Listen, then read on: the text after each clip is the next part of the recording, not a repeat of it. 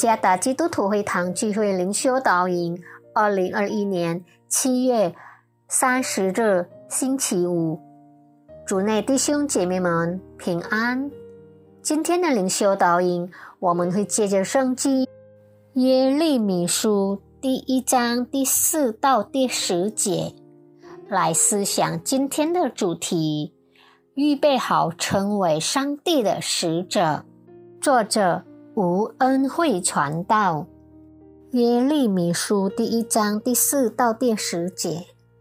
耶利米说：“耶和华的话临到我说：我未将你招在腹中，我已晓得你；你未出母胎，我已分别你为圣，我已派你做列国的先知。”我就说：“主耶和华。”我不知怎样说，因为我是年幼的。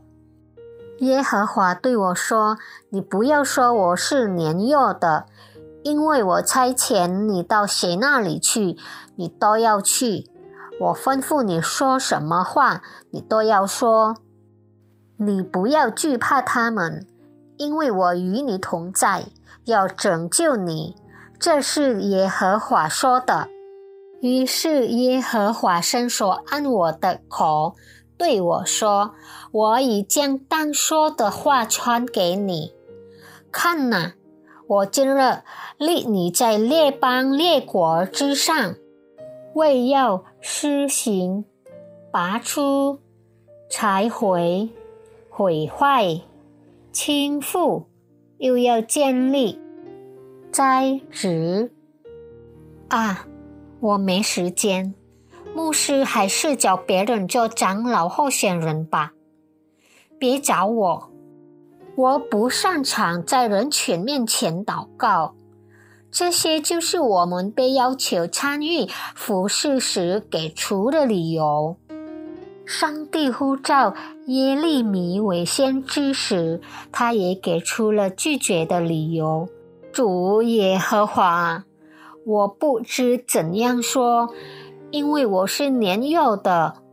第六节，耶利米非常清楚，成为先知并不愉快轻松。先知经常会感觉到与大多数人不同的生活，先知所说的话经常不被吹听，先知也经常被敌视。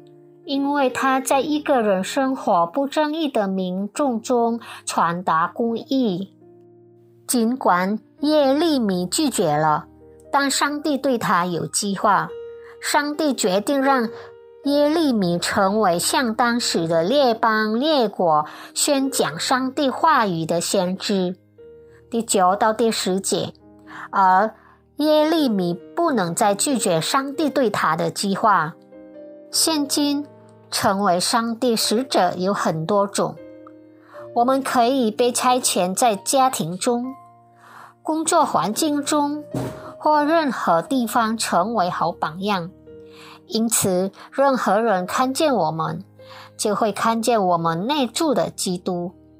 只需要一颗愿意接受上帝呼召的心，包括今天的我们。预备好，在这个黑暗的世界里，成为上帝的使者，让更多人能看到我们内住的基督，却最后渴望认识他。拥有一颗愿意在这世界中成为上帝使者的心吧。